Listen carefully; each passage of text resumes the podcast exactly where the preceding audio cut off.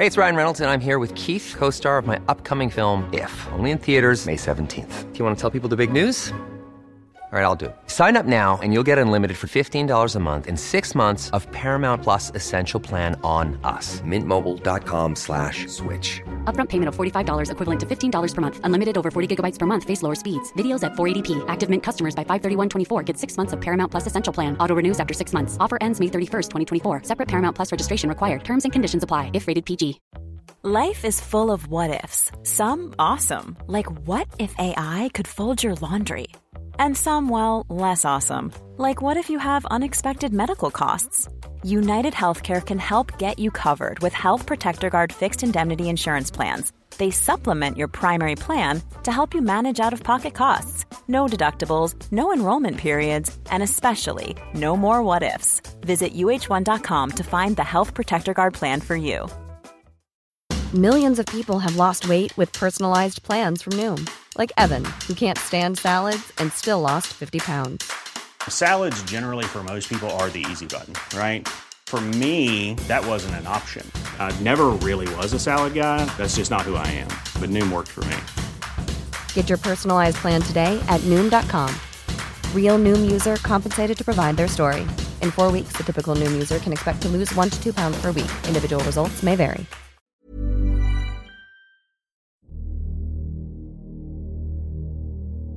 Sent på kvelden 7. september i 1996 stopper en bil ved et lyskryss på Las Vegas Boulevard. Mennene om bord i den sorte BMW 750 IL sedanen er en del av et større bilfølge, og de er på vei til nattklubben Club 662, som eies av sjefen for det beryktede plateselskapet Death Row Records, Shug Knight. Mens de venter ved lyskrysset, stopper en annen bil på passasjersiden av bilen. En av passasjerene i den hvite Cadillacen sveiver ned ruten, peker en 40-kaliber Glock 22-pistol ut av vinduet og avfyrer fire skudd i retningen av passasjeren i BMW-en før de flykter fra stedet i høy fart. I BMW-en sitter den ene mannen dødelig skadet, og under en uke senere skulle Tupac Shakur dø av skadene han ble påført.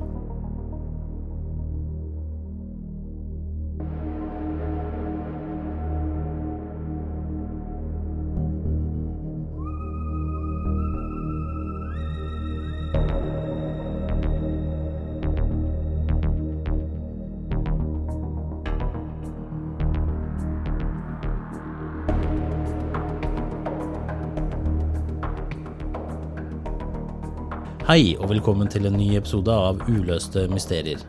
Jeg heter Morten, og i denne episoden skal jeg fortelle dere om drapene på Tupac Shakur og Christopher Wallace. Denne episoden er litt spesiell siden det ganske snart kan vise seg å bli en løsning på drapsgåten eh, som har vart i 27 år. Dette skal dere også selvsagt føre mer om mot eh, slutten, i tillegg til historien om Tupac og teorier om hvem som sto bak drapet, som har versert opp gjennom tidene. Sånn sett er dette kanskje ikke det vanlige uløste mysteriet jeg pleier å fortelle om, men det som skjedde et halvt år senere, er fremdeles det, nemlig drapet på Christopher Wallace, også kjent som The Notorious BIG og Biggie Smalls. Så i denne episoden blir det med andre ord to uløste mysterier jeg skal gå gjennom. Jeg har eh, hentet kildemateriale fra eh, flere forskjellige kilder, annet dokumentarer, intervjuer med både Tupac og Biggie, nyhetsartikler og Wikipedia, og forsøkt å samle det så godt det lar seg gjøre til det dere skal få høre nå. Jeg gjør oppmerksom på at det blir en del forskjellige navn i sirkulasjon, men jeg skal prøve å få det så oversiktlig som mulig. Den 16. juni i 1971 i East Harlem, New York, får Alice Faye Williams en sønn sammen med William Billy Garland, som blir døpt Lisanne Parish Crooks. På dette tidspunktet hadde riktignok Alice endret navn til Afini Shakur, og ett år etter at sønnen ble født, fikk også han et nytt navn, Tupac Amaru Shakur, etter Tupac Amaru den annen, en opprørsleder fra Peru som ble henrettet av spanjolene i 1781, og som var nedstammet fra den siste inka-herskeren. Afeni fortalte at hun byttet eh, navnet hans i et ledd for å lære han om verdenskultur, og ikke bare lokal kultur fra nabolaget, noe hun også fortsatte med flere år senere. Begge foreldrene hadde vært aktive Black Panthers på 60- og 70-tallet, slik som flere andre i familien. Både stefaren og gudfaren til Tupac var dømte kriminelle, men sistnevnte ble frikjent for et eh, drap som eh, hadde skjedd i 1968 etter å ha sittet uskyldig fengslet i 27 år fordi aktoratet hadde holdt tilbake bevis som ville frikjent han. Tupac møtte visstnok ikke den biologiske faren sin før han var 23 år, og ifølge han selv døde den første stefaren av en overdose på crack cocaine. Hans andre stefar, Mutulu Shakur, giftet seg med Afani i 1978, men skilte seg allerede i 1982 da han måtte flykte fra politiet og FBI etter et ran av en pengetransport i 1981. Garland fortalte i dokumentaren Biggie and Tupac at han mistet kontakten med Tupac først da han var rundt seks år gammel, og at uh, Tupac nærmest ble mobbet daglig i hjemmet til moren fordi han hadde en lysere brunfarge i huden enn de andre i hjemmet. Han påsto også at Tupac aldri var favorittsønnen slik han har blitt fremstilt som, før etter at han ble berømt. Men hvorvidt dette var sant, var det kun Tupac selv som kunne bekrefte eller avkrefte, og til tross for om påstandene stemte eller ei, viste han stor kjærlighet og hengivenhet for moren sin. Afani begynte med crack da Tupac var i ung alder, og på 80-tallet slet hun med å finne arbeid. I 1984 flyttet de derfor fra New York City til Baltimore, hvor Tupac etter hvert startet å studere teater, poesi, jazz og ballett på Baltimore School for the Arts. Og der deltok han i oppsetninger av Shakespeare og var blant annet musekongen i Nøtteknekkerballetten. Og Shakespeare skulle etter hvert være med på å forme Tupacs musikalske og kunstneriske uttrykk. Som han sa selv, He wrote some of the rawest stories. I mean, look at Romeo and Juliet, that's some serious ghetto shit. Han ble kjent med blant annet eh, Jada Pinkett, produsent og skuespillerinne, og kona til skuespiller Will Smith, som på denne tiden var en doplanger. Tupac skrev dikt om Jada, og selv om de var nære venner, oppstod det aldri noe mer enn vennskap mellom dem. Men etter hvert som Jada trakk seg mer og mer ut av den kriminelle underverdenen hun var en del av, bevegde Tupac seg sakte, men sikkert inn i den. Han fortalte om eh, dette i intervjuer, hvor han eh, sa at en av årsakene til at han trakk seg nærmere gjenger og doplangere, var fordi han manglet en farsfigur i livet, og moren slet med å stille opp som den ansvarlige foreldre burde gjøre. Ifølge Tupac selv var han derimot en ganske elendig doplanger, som lot kjøperne betale på krita ved å gi klokker og lignende betaling, og til slutt fikk han beskjed om å rett og slett slutte, siden han tydeligvis ikke klarte å gjøre jobben godt nok. Han gjorde det imidlertid bra på skolen og ble velkjent som en meget habil rapper. Han gikk godt overens med samtlige og var godt likt for blant annet humoren sin og hvor omgjengelig han var. Videoer han fra skoledagene viste hvordan han eh, kledde seg ut som James Brown og underholdt de andre elevene med invitasjoner.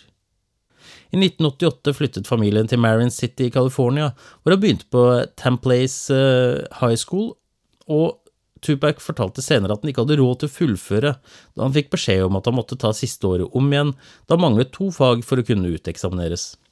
Han fikk riktignok det som tilsvarer generell studiekompetanse noe senere, men i stedet for å ta opp igjen siste året på high school, valgte han å få seg jobb på en pizzarestaurant. Her holdt han ut i omtrent en måned, men fikk sparken fordi han spiste av fyllet på pizzaene til gjestene og tok med pizzaer hjem uten å betale. Etter dette fikk han en ny jobb som pakker i en matbutikk, men også her sluntret han unna så mye han kunne. Han ble ofte funnet på lageret skrivende på tekster i stedet for å gjøre jobben han ble betalt for, og etter kun et par uker ble det klart at denne type form for arbeid ikke var noe som eh, Tupac eh, ønsket å gjøre. I stedet tok han artistnavnet MC New York i 1989 og begynte å ta opp låter i studio sammen med rappgruppen Strictly Dope. Samme året ble han elev i en poesiklasse ledet av Leila Steinberg, som etter hvert også ble manageren hans. Samarbeidet deres var såpass tett at han eh, i en tid bodde sammen med Steinberg og familien hennes, og hun fikk en mentorrolle for han helt frem til det ble klart at hans talent for rapp ble såpass åpenbart at hun følte at han trengte mer profesjonell hjelp enn hva hun kunne bidra med. Hun fikk dermed signert uh, han hos uh, Atron Gregory, som på den tiden var manager for rappgruppen Digital Underground, hvor Tupac ble ansatt som roadie og backupdanser. I 1991 fikk han endelig sjansen i rappgruppen, og fikk være med på singelen deres Same Song under artistnavnet Tupac. Men han klarte ikke helt å finne seg til rette i Digital Underground, siden han ikke klarte å jobbe godt nok med de andre medlemmene. Men grunnleggeren av gruppen fortalte at han merket at Tupac hadde et klart og tydelig mål som lå langt utenfor hva hans rappgruppe kunne klare å holde tritt med. Kanskje var det fordi gruppens medlemmer ikke klarte å holde tempoet Tupac ønsket, eller kanskje var det rett og slett eh, fordi han bevegde seg i en annen musikalsk retning. Uansett trakk Tupac seg vekk fra gruppen mot høsten av 1991 og slapp sitt debutalbum Tupacalypse Now i november. Mange sier at dette albumet var en stor suksess, og store artister som Nas, Eminem og Game har sagt at dette var et album som inspirerte dem selv til å bli artister. Albumet solgte derimot ikke nærheten av hva hans fremtidige album kom til å selge, men klarte å klokke inn en halv million solgte album i løpet av året. Samtidig må jeg påpeke at eh, Tupac gjennom eh, tekstene sine tok opp eh, viktige og den gang aktuelle temaer som sosioøkonomiske utfordringer i enkelte miljøer i USA, samt politibrutalitet, fattigdom og tenåringsgraviditeter, noe som fremdeles er like aktuelt den dag i dag. Men det var ikke tematikken Tupac tok opp som skapte den kontroversielle debatten i USA. I 1992 skjøt og drepte Ronald Ray Howard en Texas State Trooper etter å ha blitt stoppet for, et, for en ødelagt baklykt på bilen sin. Ifølge forsvarsadvokaten hans var Howard påvirket av tekstene om politibrutalitet på albumet til Tupac. Dette førte til at USAs visepresident på dette tidspunktet, Dan Quayle, uttalte offentlig at det ikke var noe god grunn til at et album som dette skulle bli gitt ut, da det ikke hørte hjemme noe sted i samfunnet. 1993 ble et år med flere store og alvorlige hendelser for Tupac. Først slapp han sitt eh, andre album, Strictly for my niggas, som solgte til platinum og ble en stor suksess.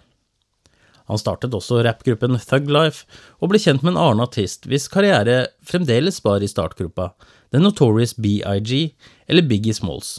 For Biggie var Tupac en som hadde lyktes med artisteriet, og så opp til han.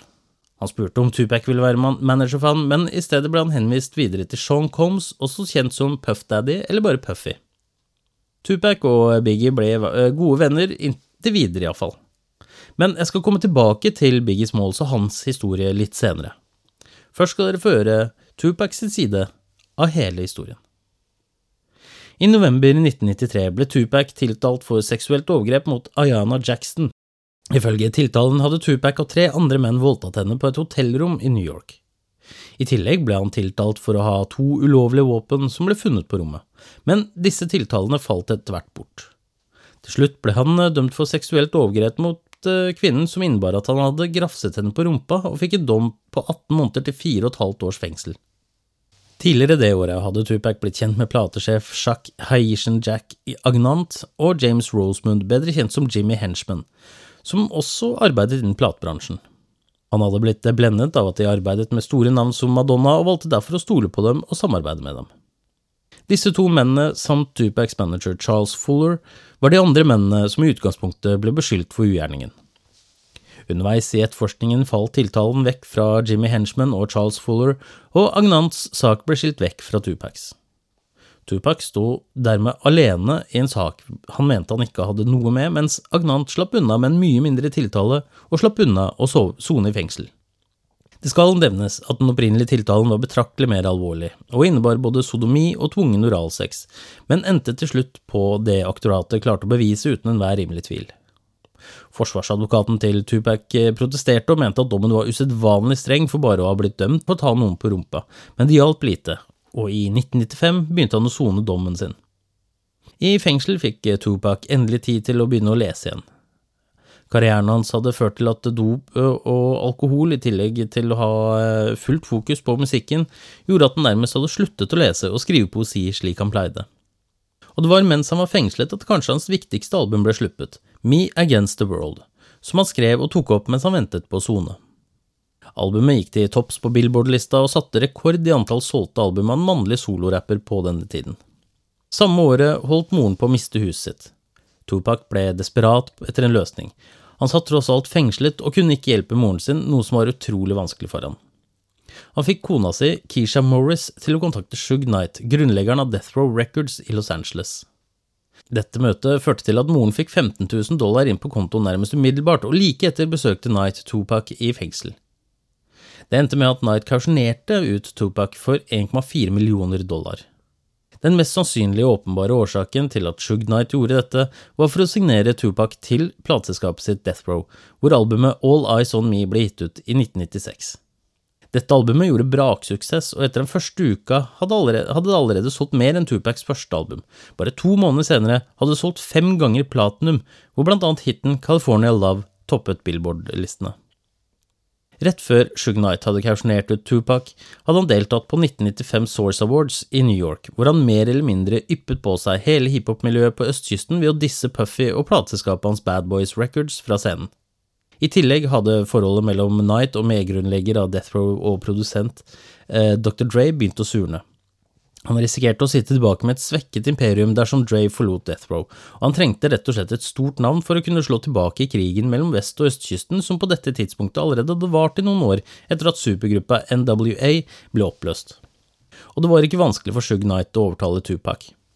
30. november 1994 hadde Tupac eh, avtalt å gjøre opptak for en annen artist ved navn Little Sean i Quad Studios på Manhattan for å få inntekter slik at han kunne dekke utgiftene til rettssaken.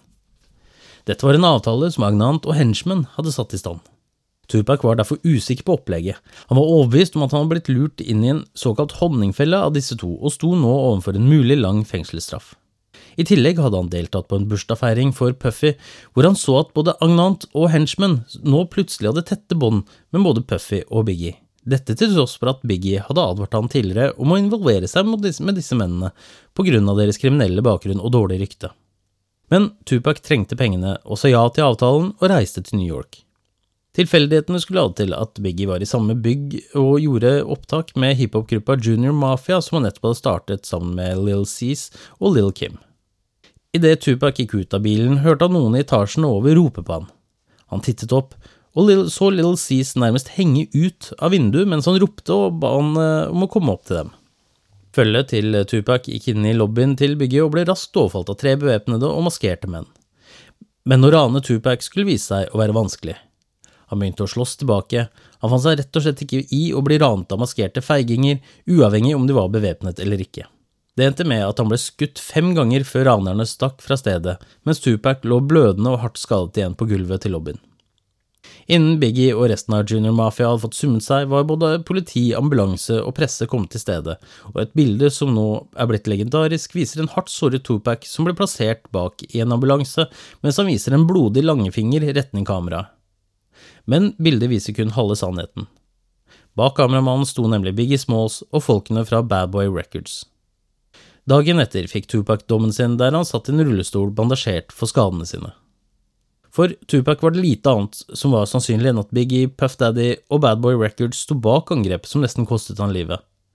Med hjelp fra Agnant og Henchman hadde de lurt han til New York for å ta livet av han som, som et dårlig skjult ran. Og det var denne innbitte mistanken Tupac hadde som gjorde at det ble lett for Sug Knight å overtale han til å være med på Death Row Records sin side i den pågående hiphop-krigen. Det hjalp heller ikke at Biggie slapp en låt som het Who Shot Ya noen måneder etter ranet, og Tupac tok dette svært personlig, og mente at låta kunne være en slags innrømmelse av at de sto bak, eller i beste fall at de regelrett gjorde narr av han. Nå skal det nevnes at Biggie, ifølge faren til Tupac, besøkte han på sykehuset etter at han hadde blitt skudd, og forklarte han at han ikke hadde noe mer annet å gjøre. Det er godt mulig dette bidro til å dempe sinnet til Tupac litt, men det er iallfall helt sikkert at det blusset opp igjen for, da, eh, for fullt da Who Shot You ble sluppet. Ifølge Biggie handlet låta slettes ikke om Tupac og hadde blitt skrevet lenge før skyteepisoden. Men det hjalp ikke. Bad Boy Records hadde fremdeles valgt å gi ut låta så kort tid etter, noe Tupac ikke klarte å tilgi. I 1996 tok Tupac hevn da han ga ut låta Hit Em Up, som et motsvar til Biggie og Bad Boys Records. Her var det ikke lenger snakk om diffuse tekster som kunne tolkes i forskjellige retninger, men direkte og brutalt i tillegg til svært personlig. Han hadde vært fengslet for noe han mente han ikke hadde gjort, følte seg forrådt av en god venn, samt andre han følte han kunne stole på, og i tillegg ble han omgitt av folk som omtrent ønsket en hiphop-krig mellom øst- og vestkysten.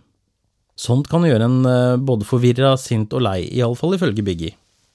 Andre mente at Tupac og Shug Knight visste nøyaktig hva de gjorde ved å egge opp til krig. De gjorde det for å selge mest mulig album. Men de som bevitnet opptaket i studio, fortalte at de aldri har sett Tupac så forbanna som han var da han tok opp denne låta. Sinnet man hører, var visstnok 100% ekte.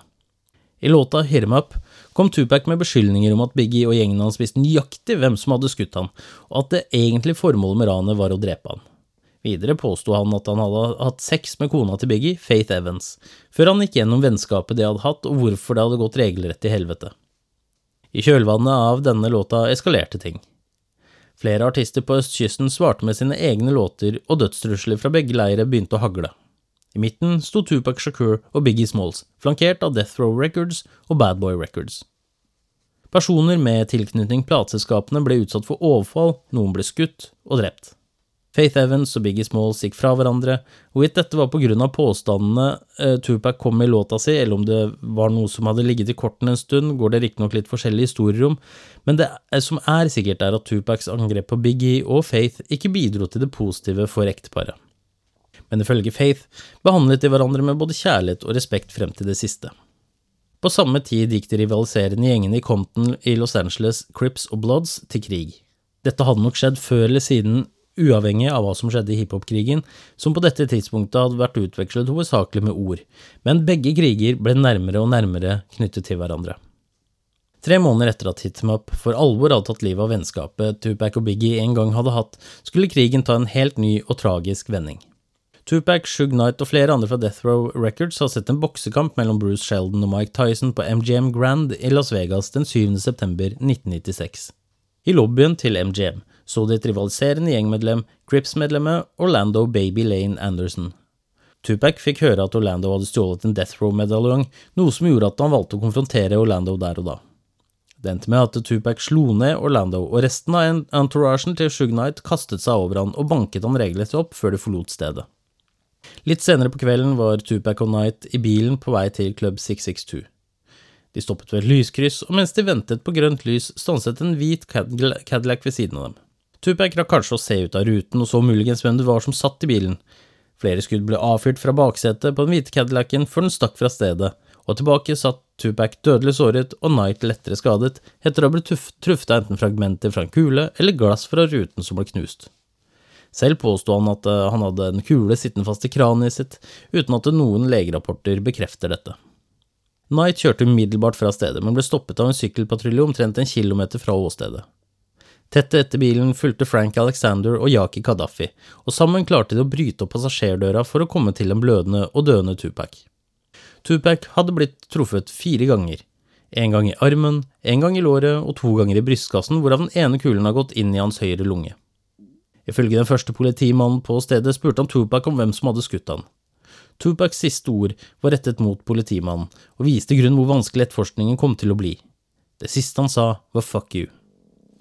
Han ble fraktet eh, til sykehuset og ble etter hvert plassert i en kunstig koma. Fredag den 13. september døde Tupac Shakur av hjertestans som følge av skaden han ble påført, bare 25 år gammel. I kjølvannet av drapet på Tupac feiret Southside eh, Compton Crips. Dette medførte at gjengkrigen mellom Crips og Bloods i Compton nådde nye høyder. Tolv skuddvekslinger og tre dødsfall senere fikk politiet mer enn nok, og gjennomførte flere razziaer mot kjente gjengledere. En av de som ble arrestert, var Orlando Anderson, og siden han var en av de første mistenkte for drapet på Tupac, ble han avhørt rundt dette. Ifølge ryktene eh, politiet hadde fått vite om, hadde Anderson tatt taxi vekk fra MGM drapskvelden. Han reiste i et hus eller til et hotell som var kjent for eh, politiet, hvor han møtte andre Crips-medlemmer. Sammen hadde de bestemt at Tupac måtte dø for det han hadde gjort mot Anderson. Problemet for politiet var, var, at dette var rykter. De hadde få beviser å gå etter, særlig siden absolutt ingen ville snakke med politiet. Ikke engang Shug Knight, som satt i bilen sammen med Tupac, ønsket å fortelle hva som skjedde. Anderson nektet selvfølgelig, og politiet hadde ikke annet valg enn å slippe ham fri. Under ett år senere, den 29. mai 1988, ble Orlando Anderson skutt og drept fordi han trodde en person skyldte ham penger. Dermed fikk aldri politiet mulighet til å avhøre ham på nytt. Det oppsto flere teorier om hvem som sto bak drapet på Tupac. En er at Puffy og Biggie betalte Krips-medlemmer for å drepe Tupac og Knight. De skulle få 500 000 og 400 000 dollar for gjerningen. Dette nektet begge for, og Biggie kunne fremvise alibi og kvittering for at han har vært i studio i New York og gjort opptak den aktuelle kvelden. Det lot seg uansett ikke å bevise at noen pengetransaksjon hadde blitt utført fra noen av dem. Flere har i ettertid kommet med de samme påstandene, men det kan virke som om det mest, meste av dette kommer fra kilder forfattere har benyttet seg av til bøker de har gitt ut om hendelsene. Riktignok varierer både beløpet og hvorvidt det var Biggie eller Puffy som faktisk satte pris på hodene til eh, Tupac og Knight. Men forfatterne og kildene er enige om at de begge var involverte, og at de betalte Crips-gjengen for å begå drapet på Tupac og drapsforsøket på Knight. Den 29. september i 2023 ble Dwayne Keith Davis, også kjent som Keefy D, arrestert i forbindelse med drapet på Tupac. Davis innrømmet allerede i 2018 at han hadde hatt en rolle i drapet, men påstod at han bare var en passasjer. Han kunne derimot bekrefte at eh, nevøen hans, Orlando Anderson, var den som skjøt, og at dette var hevn for at han ble banket opp på MGM, og dusøren Puffy hadde lovet. Davies forklarte at da Anderson kom tilbake til eh, huset, eller hotellet han oppholdt seg på, fortalte han hva som hadde skjedd, og følte at de måtte ta affære. De satte seg i bilen sammen med Terence T. Brown Brown, DeAndre Dre Smith, og planla å skyte uh, Tupac etter at han hadde opptrådt på klubb 662. De ventet utenfor klubben, men fant ut at de ville ha alkohol som de kunne drikke mens de ventet. De kjørte derfor til et spritutsalg og handlet, og var på vei tilbake til et hotell da de kom over Death Row-konvoien. Det var da de benyttet seg av muligheten de nå hadde fått servert, og kjørte opp til bilen hvor Tupac og Shug Knight satt. Ifølge Davies var det som nevnt Anderson som avfyrte de dødelige skuddene. Men ifølge et annet Crips-medlem som vitnet for en storjury, var det en annen som gjorde ugjerningen. Terence Brown var den som kjørte bilen, og i passasjersetet satt Davies. Han rakte pistolen til Anderson, som satt rett bak han, og ved siden av DeAndre Smith. Det var riktignok meninga at Anderson skulle være den som skjøt, men det oppsto et problem. Smith var en stor fyr, så stor at Anderson ikke hadde hatt mulighet til å lene seg over han og skyte ut av vinduet uten at Smith ville fått ansiktet full av patronhylser. I tillegg hadde Anderson skadet armen da han ble overfalt av Death Row-gjengen på MGM. Derfor fikk eh, Smith pistolen, og det var han som skjøt Tupac. Det er flere ting som tyder på at dette stemmer. To vitner som kjørte bak Tupac Knight, rapperen Yaki Kadafi og livvakten Frank Alexander, beskrev at de så en tykk og mørk arm som stakk ut av ruta fra baksetet på Cadillacen. I hånden holdt vedkommende pistolen som drepte Tupac.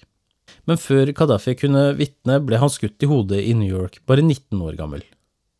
Frank Alexander fortalte i en bok han ga ut om jobben sin som livvakt for Tupac, samt i flere intervjuer at han nærmest hadde blitt truet til å holde kjeft av Shug Knight, og at han hadde fått reelle dødstrusler fra folk tilknyttet Death Row og trusler fra hiphop-miljøet på begge kanter av landet. Han valgte å trekke seg tilbake og flytte til en ranch på landsbygda, men i 2013 ble han funnet død med et skuddsår i hodet. Hvorvidt det var et attentat eller om det var selvmord, er fremdeles usikkert, men politiet mente det siste. Davies hadde tidligere lagt skjella på Anderson da politiet arresterte ham for salg av narkotika. Han sto i fare for å få livstid i fengsel og brukte det eneste kortet han hadde på hånda, nemlig informasjon. Men på dette tidspunktet var DeAndre Smith fremdeles i live, og Davies valgte heller å legge skylden på en død mann fremfor å sende Smith i fengsel. DeAndre Smith døde av helseproblemer i 2004. Sjåføren av bilen, Terence Brown, ble skutt og drept i 2015 i Compton. I dag er det kun Davies som lever av de fire mennene i Cadillacen, og hvorvidt han ble straffet for medvirkende drap, gjenstår å se. Men krigen blant gjengene og i hiphop-miljøet var ikke over av den grunn. Christopher Biggie uh, Smalls Wallace var i Los Angeles for å promotere hans andre album, Life After Death, i februar og mars 1997. Han hadde deltatt på en eh, etterfest for Soul Train Awards, hvor han overrekte pris til Tony Braxton den 7. mars, og skulle etter planen egentlig reise til London dagen etter. I stedet ble han og resten av følget fra Bad Boy invitert til en etterfest på Peterson Automotive Museum. Det var flere profilerte personer blant de over 1000 gjestene til stedet, blant annet Faith Evans, Alia, Chris Tucker, Jewel og Missy Elliot, for å nevne noen, i tillegg til medlemmer av både Bloods og Crips-gjengene. Like over midnatt den 9. mars stengte brannvesenet festen fordi det var altfor mange til stede. Biggie satte seg i bilen med hans beste venn Damon D. Rock Butler, Little Cease og sjåføren Gregory G. Money Young. Sean Puff Daddy Combs reiste i en annen bil med to livvakter, og bak disse kjørte Paul Offord, som var ansvarlig for sikkerheten til Bad Boy, sammen med en politimann ved navn Reggie Blaylock, som ikke var i tjeneste denne kvelden. Et kvarter senere stoppet bilen til Biggie ved et eh, rødt lys bare 45 meter fra stedet de hadde festet. Mens de ventet, kjørte en sort Chevrolet Impala SS opp langs siden, og en mørkhudet mann iført en blå dress og sløyfe rullet ned vinduet, stakk en 9 mm pistol ut og skjøt fire skudd mot bilen før han stakk fra stedet. Alle fire skuddene traff Biggie, hvor det siste skuddet var det dødbringende. Han døde en halvtime senere på sykehuset klokken 01.15, kun 24 år gammel. Jeg skal fortelle litt om hvem Christopher Wallace var, og hvordan vennskapet mellom han og Tupac var sett fra hans side. Christopher George Latour Wallace ble født i Brooklyn den 21. mai 1972. Faren hans forlot eh, familien da han bare var to år gammel, og moren hans Valetta Wallace ble sittende alene med foreldreansvaret. Valetta ville det beste for sønnen sin og jobbet to jobber slik at han kunne gå på privatskolen Queen of All Saints Middle School, hvor han var en meget dyktig elev. Christopher var en stor gutt, og allerede som tiåring fikk han kallenavnet Big. Selv om moren hans oppdro han strengt, var hun sjeldent hjemme, og som tolvåring begynte Christopher å lage dop på gaten. Han skjulte dette godt, for Voletta fant ikke ut av dette før han var blitt voksen. Christopher skrev rim hele tiden når han ikke var opptatt med andre ting, og i tenårene begynte han å rappe på gaten for å underholde andre. Han søkte selv om å få bytte skole fra en katolsk skole til en vanlig high school. Dette var en skole hvor blant andre JC og Busta Rhymes også gikk på den tiden, og det var etter dette Voletta merket at sønnen fikk en annen oppførsel. Han ble mer obsternasig og hadde en smartass-holdning, og i 1989 droppet han like eh, godt ut av skolen helt. På dette tidspunktet hadde han også utviklet eh, doplangingen sin til å bli noe mer seriøst, og ble mer en bakmann enn den som sto på gata og langet. De påfølgende årene gikk han inn og ut av fengsel på grunn av narkotika og våpenbesittelse. Som 19-åring kom han endelig ut av fengselet igjen, og ga ut sin første demo under artistnavnet Biggie Smalls. På denne tiden var han omtrent 1,91 høy og veide nærmere 170 kilo, og artistnavnet var et spill på nettopp størrelsen hans. Sean Puffy Combs fikk etter hvert høre demoen og signerte Wallace til plateselskapet han jobbet for, Uptown Records. Men gleden ble kortvarig for både Combs, som mente han hadde signert et eh, kjempetalent, og Wallace, som endelig hadde fått platekontrakt da Combs ble sparket fra selskapet. Under en uke senere var Bad Boy Records skapt, og Wallace ble den første signeringen. Den 8. august ble datteren hans Tiana født. Selv om han og barnemoren Jan Jackson hadde gått fra hverandre, sverget Wallace på at datteren hans skulle få alt hun trengte og ønsket seg. Det som ble viktigst for han, var at hun hadde en trygg og sikker fremtid. For å få hjulene til å gå rundt begynte han igjen å lange dop, men Combs fant ut av dette og ba han inderlig om å stoppe. Han forsto at Wallace bare ønsket å, gjøre, å, sørge for at datteren hadde alt hun trengte, men hvis han ble arrestert igjen, ville alt de jobbet for og Tianas fremtid gå i vasken. Wallace fulgte Combs sitt råd og jobbet i stedet hardt i studio. Senere på året slo han endelig igjennom med remix av Mary Bliges single Real Love, og nå tok han et nytt artistnavn, The Notorious BIG. Omtrent på denne tiden ble Wallace også kjent med Tupac. De ble raskt nære venner, og da de hadde fri, reiste rundt sammen. Wallace overnattet ofte hos Tupac og hang sammen ved hver mulighet de hadde. I 1994 møtte Wallace R&B-sangeren Faith Evans, som også var signert hos Bad Boy.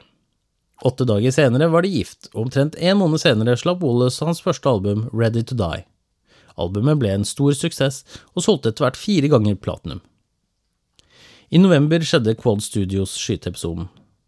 Wallace var i studio med Junior Mafia og gjorde opptak da Tupac ble brutalt ranet og skutt i lobbyen i bygget. Da han ble beskyldt for å, for å være innblandet i dette, ble Wallace lei seg. Han sto hele tiden på sin forklaring om at det var tilfeldig at de var i studio akkurat den kvelden, og at Tupac, til tross for å ikke vite hvem som sto bak eh, ranet, valgte å legge skylden på han.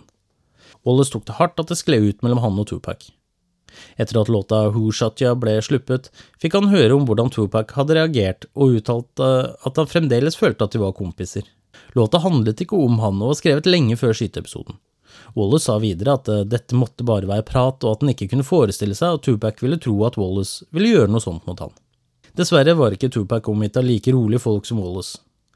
Der han uh, prøvde å uh, roe ned situasjonen som hadde oppstått, og gjorde alt i sin makt for at det ikke skulle bli en krig mellom øst- og vestkysten, gjorde Tupac det stikk motsatte.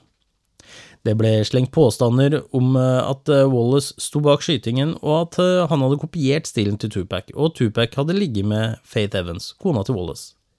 Til dette svarte han eh, bare at eh, det var ikke hans stil å svare på slike påstander. Den 7. september ble Tupac skutt, og da han døde, mottok Wallace nyheten med vantro. Han ringte Faith gråtende og i fullstendig sjokk. Hun mente han var redd på grunn av de pågående konfliktene og at krigen mellom øst- og vestkysten hadde blitt dratt fullstendig ut av proporsjoner.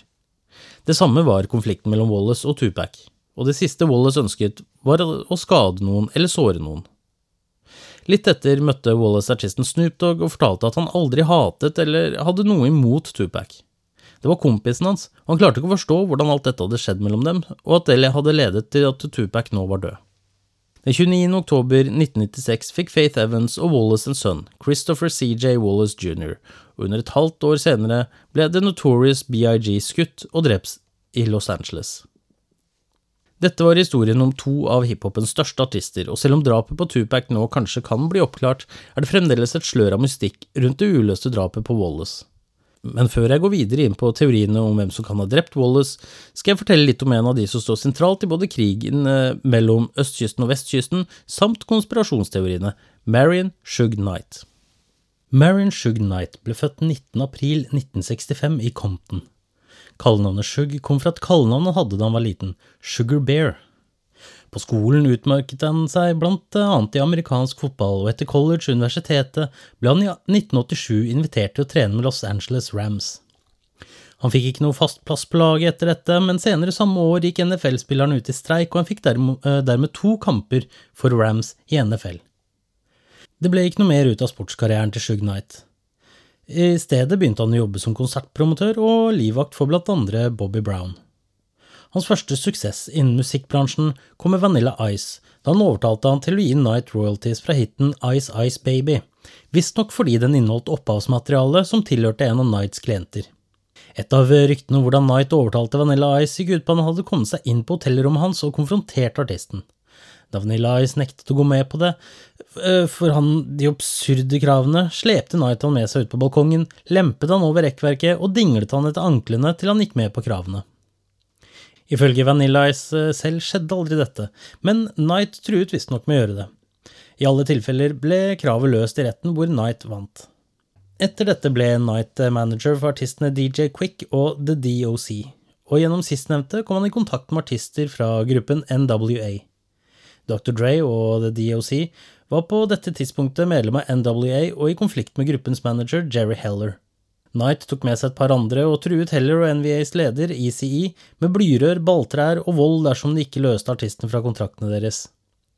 Ifølge påstander fra ECEs familie mente de at Knight stakk ECE med en sprøyte som ble brukt av en hiv-positiv person. ECE døde i 1995 av aids-relaterte komplikasjoner, men det ble aldri bevist at Knight var ansvarlig for sykdommen. Etter dette startet eh, Knight og Dr. Dre Death Row Records, og gjennom plateselskapet slapp de flere album som gjorde stor suksess. I 1995 åpnet han nattklubben Club 662 i Las Vegas. Den fikk navnet fordi 66 og 2 var bokstavene MOB som man kunne få på telefonen. MOB sto for Member of Bloods. Senere samme året gikk han til frontalangrep på Sean Combs og Bad Boy under Source Awards. Han kritiserte Combs for å være med i artistenes videoer, synge på skivene deres, og sa fra scenen at dersom det var artister der ute som ville bli stjerner, og som ikke behøvde å være redde for at produsenten og platesjefen skulle være med i videoene og sangene, burde de komme til Death Row. Dette var mer eller mindre myntet direkte mot Biggie, som på samme prisutdeling hadde vunnet for beste video. En måned etter møtte han Combs på en fest, og det endte med at Combs ble slått av Knight. Det oppsto basketak mellom medlemmer av Bad Boy og Death Row, og før de hadde forlatt stedet, var en mann blitt skutt, angivelig av livvakten til Combs. Drapet er fremdeles uoppklart. I tillegg til å signere Tupac til Death Row, fikk han også med seg MC Hammer og Snoop Dogg, samt flere andre artister. Men Shug Knight ledet selskapet på en måte som gjorde at to artistene, RBX og The DOC, valgte å forlate skuta. De som jobbet på og for Death Row, opplevde at volden eskalerte, ikke bare på gatene, men også i studio hvor artister ble banket opp og ydmyket for den minste feil. Dr. Dre var på dette tidspunktet blitt så lei at han sjelden produserte album lenger. Han holdt seg til å mikse dem slik at han hadde minst mulig med Death Row å gjøre. Han lå også merke til hvordan Tupac endret oppførsel og oppførte seg mer og mer uberegnelig. Han hadde verbale kriger mot Wallace, Bad Boy Records, Combs og mange andre artister, og havnet i flere fysiske konfrontasjoner med en del av dem. Alt dette gjorde at Dr. Dre til slutt forlot Death Row. Han forsto at dersom han krevde å få uttalt pengene plateselskapet skyldte han, ville han sette seg selv i livsfare. Han sa derfor at eh, Shug kunne beholde alt han hadde produsert og pengene han skyldte han, men han var ferdig i plateselskapet. Knight gikk med på dette, og Dr. Dre startet sitt eget selskap, Aftermath. Dette provoserte Tupac, som så på Dr. Dre's exit som et svik mot dem alle. Som Knight selv sa, blood in, blood out. Før Tupac ble drept, ble han spurt om han ville være med å starte en ny gren av Death Row, Death Row East, som skulle være østkystens versjon av plateselskapet. Flere store navn skulle signeres, men mye av det sto og falt på om Tupac ble med. For Tupac ville det bety at han slapp unna Shug Knights regime, men det betydde også at Death Row Records måtte betale han nesten ti millioner dollar som de skyldte han. Like etter ble altså Tupac drept i bilen til Shug Knight. Men problemene var ikke over for Shug Knight etter drapet på Tupac. Da han var med på overfallet Orlando Anderson, var han prøveløslatt fra fengsel. Sparkene han hadde utdelt, bidro til at han måtte møte domstolen tiltalt for brudd på prøveløslatelsen og angrepet på Orlando Anderson. Men til alles overraskelse vitnet Anderson for Knight. Det hjalp derimot lite, og Knight ble dømt til ni års fengsel. Etter dette kunne endelig flere av de største artistene forlate Death Row uten å frykte Shug Knight. I 2006, etter noen år inn og ut av fengsel, slo han Death Row Records konkurs, og i 2009 ble alt løsøret i plateselskapet auksjonert vekk. Og ting gikk ikke bedre med Knight etter dette. Han ble arrestert igjen i 2012 for trafikkforseelser og narkotikabesittelse, og i 2014 ble han skutt seks ganger på en fest i Hollywood, og senere samme år ble han arrestert igjen for å ha tatt et kamera fra en paparazzi. Men det var i 2015 han virkelig skulle havne utpå. Han kjørte på to menn med bilen sin i Compton og drepte en av dem, Terry Carter, som for øvrig var vennen hans. Knight mente at dette var gjort i selvforsvar, men overvåkningskameraer tilsa at dette var gjort med viten og vilje, og at Knight hadde brukt bilen som et dødelig våpen. Knight ble i 2018 dømt til 28 års fengsel, og kan ikke prøveløslates før tidligst 2034. Jeg har vært inne på etterforskningen av drapet på Tupac, og hvor saken står nå. Det er mange som mener at Shug Knight orkestrerte det hele, blant annet Snoop Dogg, og det er lett å tenke seg til at Shug Knight hadde en slags avtale med Crips om å ta livet av Tupac på grunn av pengene Death Row skyldte han. Andre spekulerer i om eh, Knight gjorde det for å eskalere krigen mellom øst- og vestkysten, slik at han kunne tjene mer penger på platesalg, særlig om Tupac døde som et offer i denne krigen. Men det kan gi litt lite mening at uh, Knight med viten og vilje skulle satt seg selv i skuddlinjen for å få dette gjennomført. Det han i så fall ba om å skyte Tupac, var ikke skarpskyttere på noen måte. Det handlet mest om å peke våpenet i den generelle retningen av det de ønsket å treffe, trekke av og avfyre flest mulig skudd på kortest mulig tid. Derfor ville det ikke være noe logikk i at uh, Knight skulle sagt skyt på bilen min, men prøv å ikke treffe meg. Men Shug Knights tilknytning til gjengen Bloods satt både han og Tupac på kartet, og etter at de banket opp et Crips-medlem, ble dødsdommen forseglet. Drapet på Christopher Wallace er derimot en helt annen sak. Mange mente at disse måtte være knyttet sammen på en måte, men politiet i Los Angeles nektet å samarbeide med politiet i Las Vegas og vice versa om disse sakene, da de mente at det var to separate saker. Og det stemte for så vidt til en viss grad, men det var mye som også hang sammen. En etterforsker i politiet i Los Angeles, Russell Poole, var sikker på at begge skytingene hang sammen på en måte, og etterforsket saken deretter. Men som i Tupac-etterforskningen var det ingen som ville snakke med politiet, selv om de påsto de visste nøyaktig hvem som hadde skutt hvem. Etter en tidsetterforskning fant Poole ut at Knight hadde ansatt flere politifolk i Death Row, blant dem flere politimenn som var kjent for korrupsjon. En av dem var David Anthony Mack. I november 1997 gikk Mac inn i en Bank of America-filial iført en lys dress og sixpence. Han viste en lapp til kassereren, som åpnet døren inn til hvelvet. Her truet han de ansatte til å legge seg ned på gulvet, tok to vesker som til sammen inneholdt 722 000 dollar, og forlot stedet. Politiet sto tilbake uten en ledtråd og slet med å komme i gang med etterforskningen helt til de kom på å undersøke hvem som hadde bestilt inn pengene etter at de fikk vite at det var omtrent dobbelt så mye som vanlig som var bestilt. Erilyn Romero hadde nylig startet i jobben som assisterende leder i banken, og sto for bestillingen av kontanter. Etter avhør innrømte hun at hun visste hvem mannen som sto bak ranet var, og hun anga David Mack. Hun fortalte videre at de to hadde et forhold til tross for at Mack var gift, og at forholdet deres mildt sagt var turbulent. Han truet ofte med å banke og drepe henne, derfor hadde hun gjort som han sa da han ba henne om å bestille inn mer penger til banken enn normalt. Hun påsto videre at hun ikke visste at banken skulle ranes før han sto der med et automatvåpen, og hun turte ikke gjøre noe annet enn å adlyde. Mac fikk 14 års fengsel, og pengene ble aldri funnet.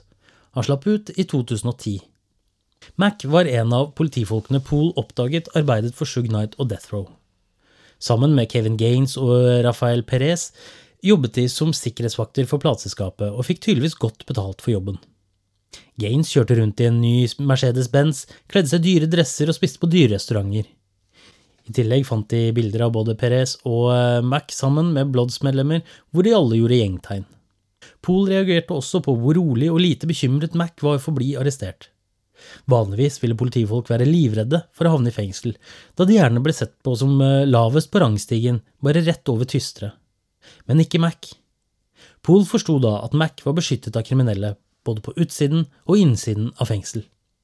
Kevin Gaines ble skutt og drept av narkotikaetterforskeren Frank Liga i 1997, etter at Gaines hadde konfrontert Liga i et lyskryss. Gaines truet med å skyte Liga og viste gjengtegn til han før de kjørte videre. Gaines la seg på hjul etter Liga og nærmest jaktet på han helt til de kom til et nytt lyskryss. Laga tok frem tjenestepistolen sin og hadde den i fanget mens han meldte inn situasjonen og ba om forsterkninger mens han forklarte hva som skjedde. Han fortalte at han ble forfulgt av noen som hadde truet med å skyte han, og da Gaines kjørte opp på siden av han og ropte at han skulle skyte han mens han viste en 45 kaliber pistol, avfyrte Laiga tjenestevåpenet sitt to ganger og drepte Gaines. Han tittet også nærmere på betjenten Rafael Antonio Perez. Etter at en politiskandale av de sjeldne ble rullet opp i Los Angeles, den såkalte Rampart-skandalen, ble blant andre Perez arrestert. I 1998 ble han tatt for å ha stjålet nærmere ni kilo kokain fra bevislagrene i LAPD, og i en byttehandel mot kortere fengselsstraff og immunitet skulle han fortelle etterforskerne alt han visste. Til sammen 70 politibetjenter ble beskyldt for utroskap i tjenesten, men kun et dusin eller så ble suspendert eller tvunget til å si opp. Men det stanset ikke der. LAPD hadde et program de kalte Crash, Community Resources Against Street Hoodlums en anti-gjengenhet som fikk meget slakke tøyler av politiet. Politibetjentene i Crash-enheten hadde en kultur som matchet gjengene de visstnok skulle kjempe imot. De plantet beviser på folk de visste var uskyldige, de løy i vitneboksen, og de nektet å tyste på hverandre. De tatoverte seg med Crash-logoen, en hodeskalle med cowboyhatt og pokerkort rundt som viste Deadman's Hand, altså Spar og Kløver S og Spar og Kløver 8, som kommer fra den siste pokerhånden Wild Bill Hickok hadde da han ble skutt i ryggen i Deadwood i 1876. De pleide å henge på en bar som et shortstop, hvor de drakk og feiret skyteepisoder de hadde vært involvert i. Lederne deres belønnet de som hadde skutt noen med plaketter som hadde ett rødt eller sort spillekort, hvor det røde kortet ble gitt hvis man hadde såret noen, og det sorte hvis man hadde drept noen. Og det var det sorte kortet som var mest ettertraktet. At alle tre betjentene som Pool mistenkte hadde noe med drapet på Wallace å gjøre, var korrupte, var det ingen tvil om, og det var heller ingen tvil om at de var tett knyttet til Death Row Records og Shug Knight men hvordan kunne han bevise at de hadde noe med drapet å gjøre? Poole fant flere indisier som tilsa nettopp det. For det første var Mac, Gaines og Perez sett i nærheten av Peterson Automotive Museum den kvelden. Det var de som fortalte at Perez var sett eh, som om han fulgte med på følget til Wallace, men som vanlig var det ingen som offisielt ville si noe. Men via en informant med kallenavnet Psycho Mike fant Poole også ut noe som kunne sette alle tre i tilknytning til en faktisk drapsmann. Amir Mohammed var en venn av David Mack og en kjent leiemorder. Han var medlem av en gruppe som het Fruit of Islam, som er, en, som er sikkerhetsdelen av eh, Nation of Islam. På denne tiden var det kjent at medlemmer av Fruit of Islam gjerne gikk med dress, skjorte og sløyfe, og drapsmannen var som kjent kledd i en blå dress og sløyfe. For å toppe det hele hadde Amir Mohammed besøkt David Mack mens han satt fengslet, noe som knyttet disse to sammen ved hjelp av dokumentasjon. Lill Seas, som satt bak Wallace i bilen, hadde sett drapsmannen og kunne gi en ganske god beskrivelse slik at eh, en fantomtegning ble laget. Denne tegningen er skremmende lik Amir Mohammed. I tillegg hadde Combs sin tidligere livvakt Eugene Deal fortalt om en mann som lusket rundt følget etter at festen var avsluttet. Han forsøkte å komme seg nærmere Combs, men ble bortvist av livvakten. Han fulgte med på mannen som så gikk i retning av der drapet skulle skje, bare minutter senere. Da han ble vist en rekke bilder av mistenkte, pekte han med en gang ut Amir Mohammed. Som om ikke dette var nok, fant de også en sort Impala i garasjen til Mac da han ble arrestert, men etterforskningslederen Steven Katz mente at det ikke var nødvendig å undersøke denne bilen nærmere. Og dette fikk Pool til å begynne å stille spørsmål rundt viljen til LAPD for å oppklare drapet. Riktignok så kan man ikke teste alle sorte impalaer man kommer over, noe som også var etterforskningslederen sitt argument, men her er altså Mac observert på festen. Han har en bil som matcher beskrivelsen av bilen som ble brukt under drapet, og det burde vært nok iallfall til å sjekke bilen noe nærmere. Men Katz valgte å overse det faktum at Amir Mohammed var pekt ut på bilder, lignet fantomtegningen og hadde tilknytning David Mack, som i sin tur var knyttet til Death Row og Shug Knight. Dermed ble aldri Amir Mohammed avhørt i denne saken, til tross for at han selv ba om det for å renvaske seg selv. Og pengene som Mac hadde ranet til seg, skulle visstnok være betaling til Amir for drapet på Wallace, uten at dette ble etterforsket nærmere eller bevist. Katz fortsatte også med, med, å senere glemme å levere inn over 200 sider med dokumenter til en rettssak om søksmålet fra familien til Wallace mot byen Los Angeles i 2007. Poole forsøkte å vise sammenhengene mellom alle aktørene til sin sjef, men ble bryst avvist. Han fikk bare beskjed om at vi går ikke den veien, la det ligge. Det betydde at LAPD og Los Angeles ikke var interessert i å oppklare en drapssak dersom det viste seg å være korrupte politifolk som var involverte. Det endte med at Poole i 1999 ble tatt av saken og overflyttet til en annen avdeling før han til slutt sa opp stillingen sin i LAPD i protest og døde av hjertestans i 2015. Etter at han sa opp, stoppet etterforskningen mer eller mindre helt opp.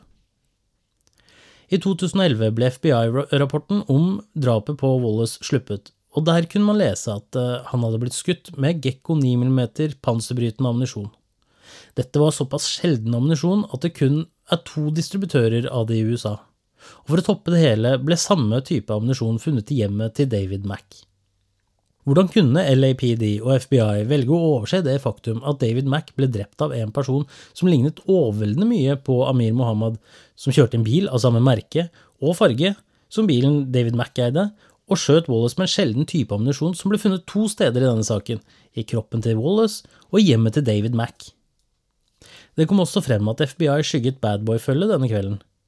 Det dukket opp bilder av alle utenfor Peterson-museet, og det sto klart skrevet i rapporten at de også fulgte etter dem da de kjørte av gårde.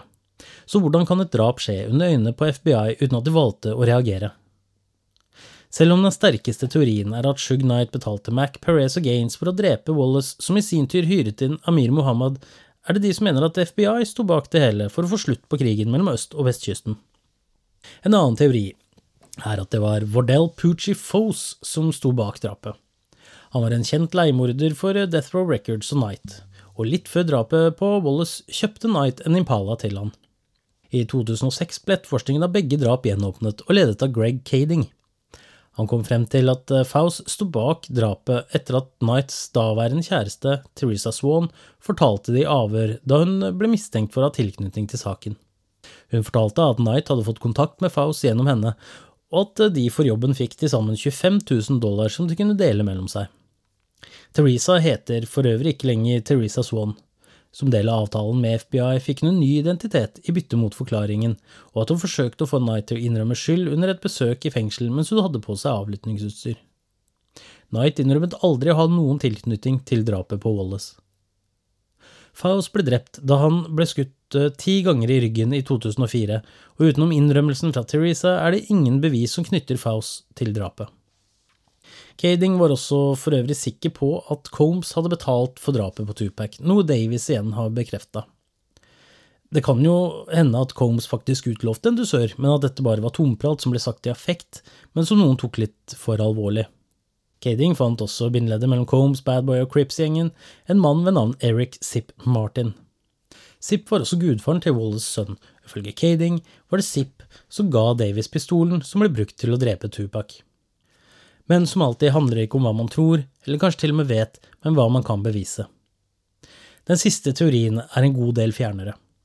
Det finnes de som tror at både Wallace og Tupac fremdeles lever, og at de mer eller mindre forfalsket sine egne dødsfall for å få slutt på krigen mellom øst- og vestkysten. De trakk seg tilbake til en tropisk øy i Stillehavet, Cuba eller en annen øy i Karibien, og lever det gode liv fremdeles. Jeg tror vi kan være ganske sikre på at dette dessverre ikke stemmer. Hiphop har eksistert som sjanger i nærmere 50 år, og dessverre mistet sjangeren to av de største stjernene på et sentralt tidspunkt. Man kan kanskje si at det er urettferdig, at man kanskje aldri vil få et endelig svar på hvem som drepte Christopher Biggie Smalls Wallace og Tupac Shakur, men det er ikke der urettferdigheten ligger. Det er derimot urettferdig at drapene skjedde i utgangspunktet, både for musikksjangeren, de pårørende og ikke minst at man ble frarøvet alt det de kunne bidratt med i verden. Tupac spurte en gang hvor lenge vil de sørge over meg, og Notorious BIG sa jeg vil aldri ønske noen dø, det er noe man aldri vil kunne ta tilbake. Hvorvidt det er sannhet i disse ordene, er opp til enhver å avgjøre, men frem til noen troverdige kilder velger å endelig snakke, vil disse drapene forbli uløste mysterier.